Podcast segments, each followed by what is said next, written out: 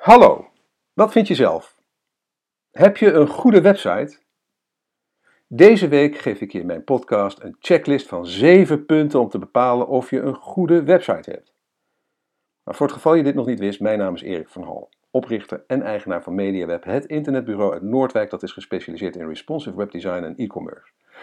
En sinds kort ook van CopyRobin, een dienst waarmee je altijd over een copywriter kunt beschikken voor een bescheiden vast bedrag per maand.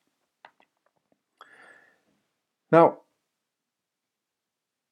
de titel van de podcast deze week is dus Checklist: Hebben we een goede website? Want wat is nou een goede website? Deze vraag die krijgen wij regelmatig gesteld. En het antwoord dat we dan altijd geven is: dat hangt ervan af.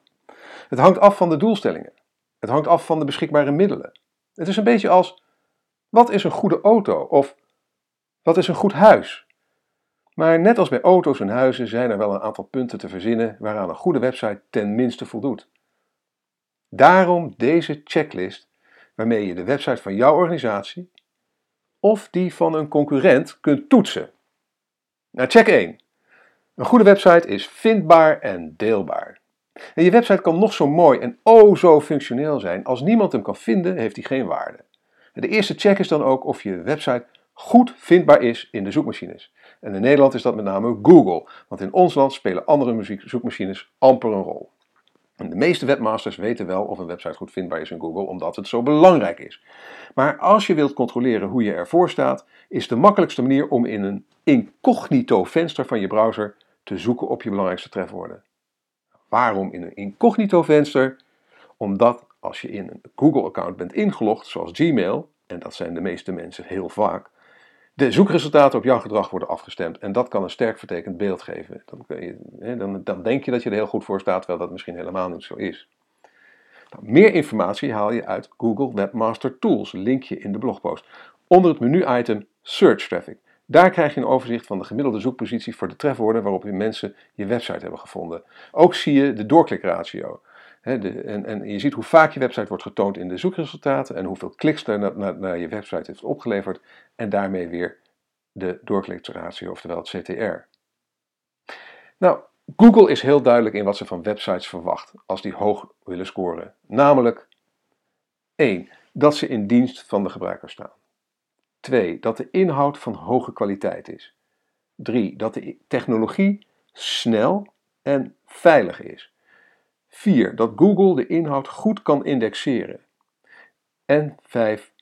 En, en dat is meer in het algemeen, dat ze niet proberen om Google te foppen door zich anders voor te doen dan ze zijn.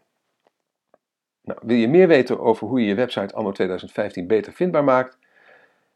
Ga dan naar de blogpost van deze week en daar staan drie linkjes naar andere blogposts die helemaal je de diepte meenemen over dat onderwerp, over het vindbaar maken van je website anno 2015. En dat is de SEO checklist 2015, content marketing voor SEO, wat is kwaliteit volgens Google, en SEO alarm, Google straft sites die niet mobielvriendelijk zijn.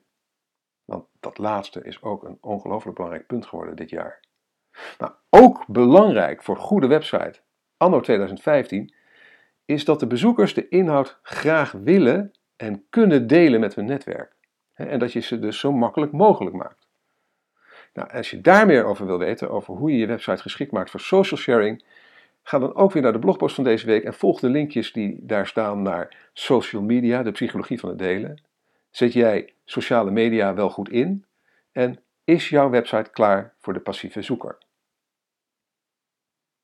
Dan onderbreek ik deze podcast voor een korte commercial.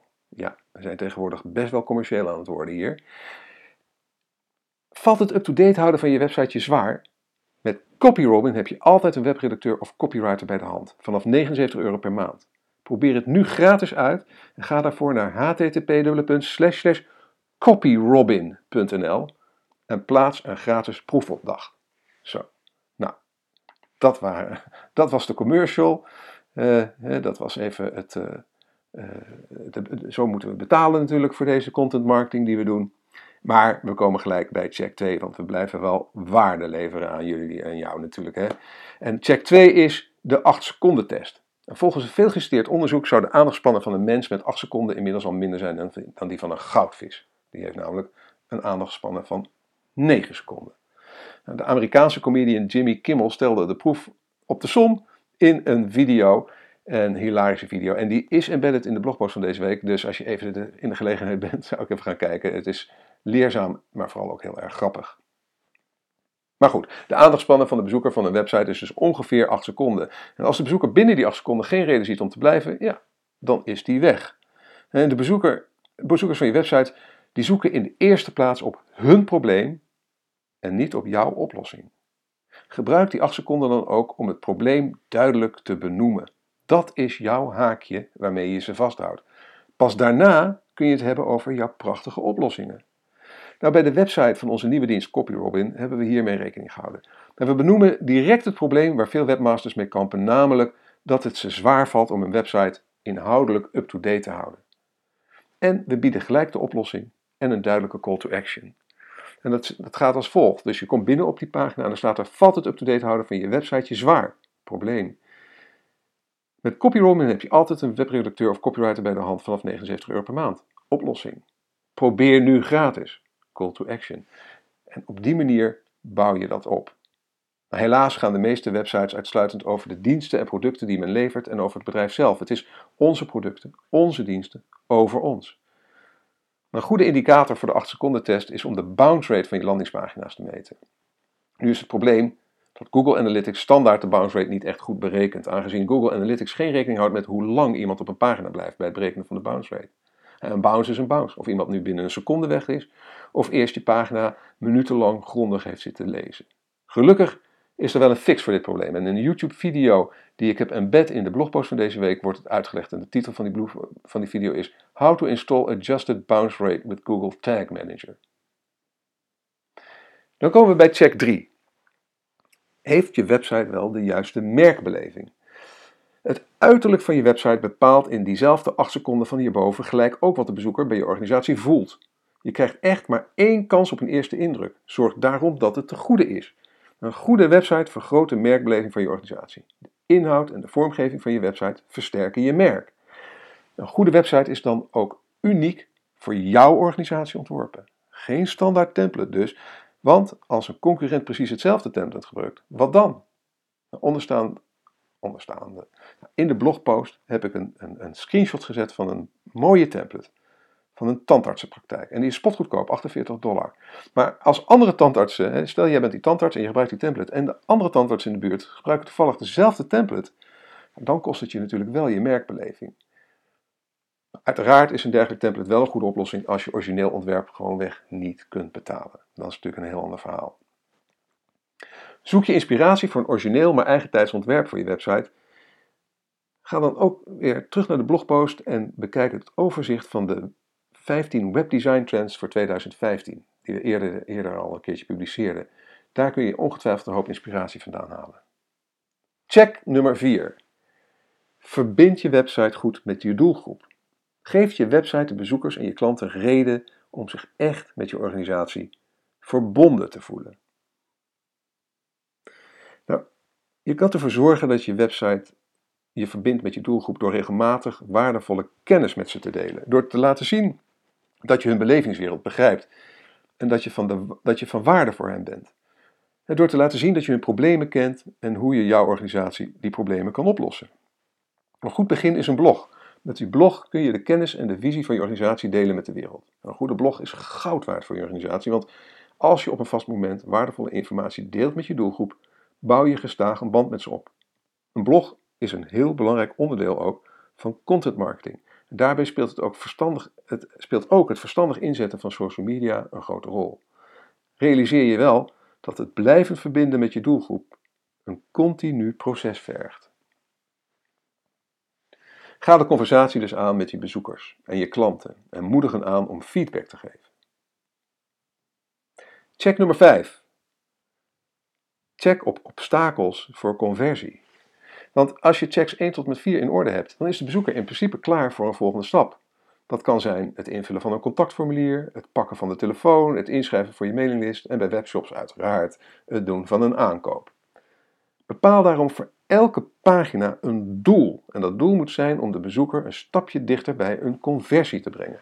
Gek genoeg zie je dat heel veel websites de bezoeker niet duidelijk maken wat op een bepaalde pagina de volgende stap is, wat er van ze wordt verwacht.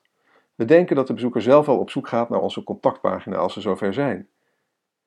in de praktijk valt dit nogal tegen. Als de bezoeker zachtjes en vriendelijk een duwtje in de goede richting krijgt, zal hij of zij sneller converteren.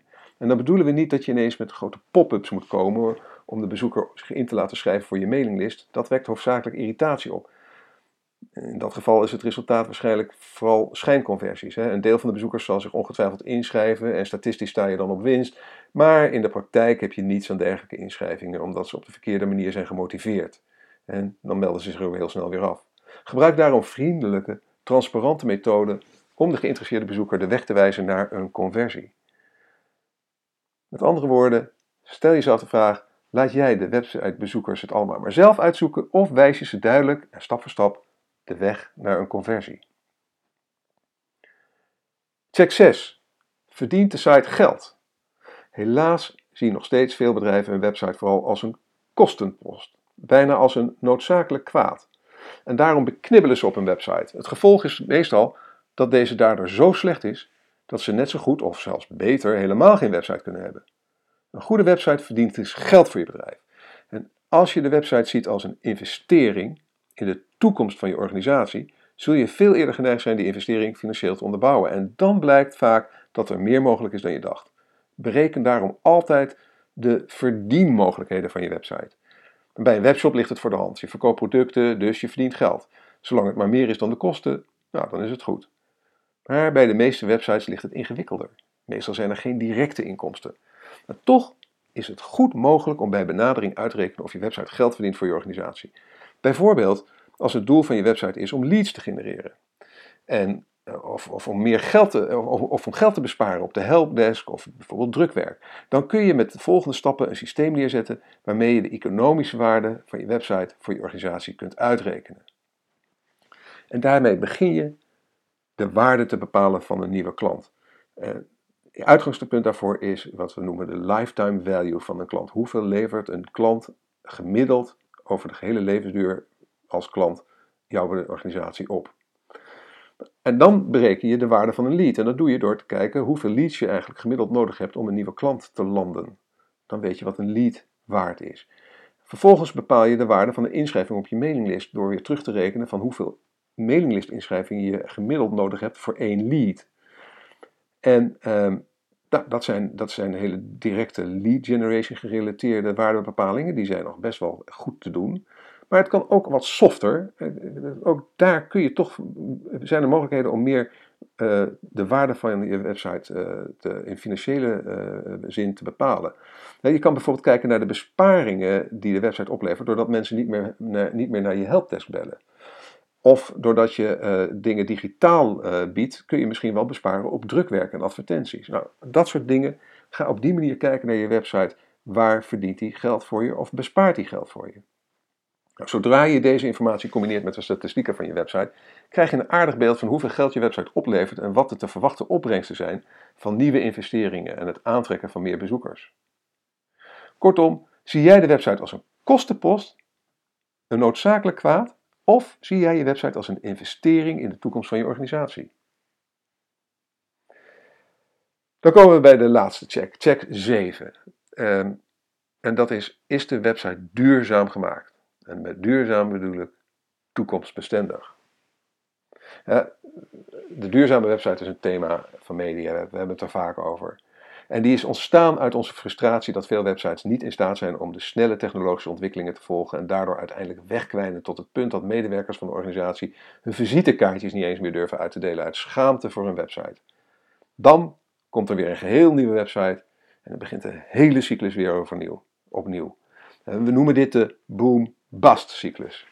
De cyclus van we, boomen, we gaan een prachtige nieuwe website bouwen en dan is hij weer bast en dan beginnen we weer overnieuw. Maar goed, elke grondige restyle heeft echter ook risico's. Er zijn tal van voorbeelden waarbij een website restyle desastreuze gevolgen had. Nou, daarom geloven wij in een website die zo flexibel is dat hij de tand des tijds goed weet te doorstaan. De duurzame website waarbij je stapsgewijs de veranderingen doorvoert, zodat het ook niet in te grote schokken gaat en mensen langzaam kunnen wennen. En de duurzame website is een combinatie van proces, strategie, techniek en design. Het proces is agile en gebaseerd op co-creatie tussen opdrachtgever en bureau. Een duurzame website is een strategisch instrument dat in dienst staat van de lange termijn doelstellingen van de organisatie. De techniek is objectgeoriënteerd voor efficiënt hergebruik en flexibiliteit in functionaliteit. Het design laat de merkbeleving groeien en is daarnaast flexibel, geschikt voor alle denkbare schermen die er al zijn en die er nog komen. Met andere woorden, het design is tegenwoordig standaard responsive webdesign. Want op het web is er echt maar één constante en dat is verandering. En daarop is de duurzame website het beste antwoord.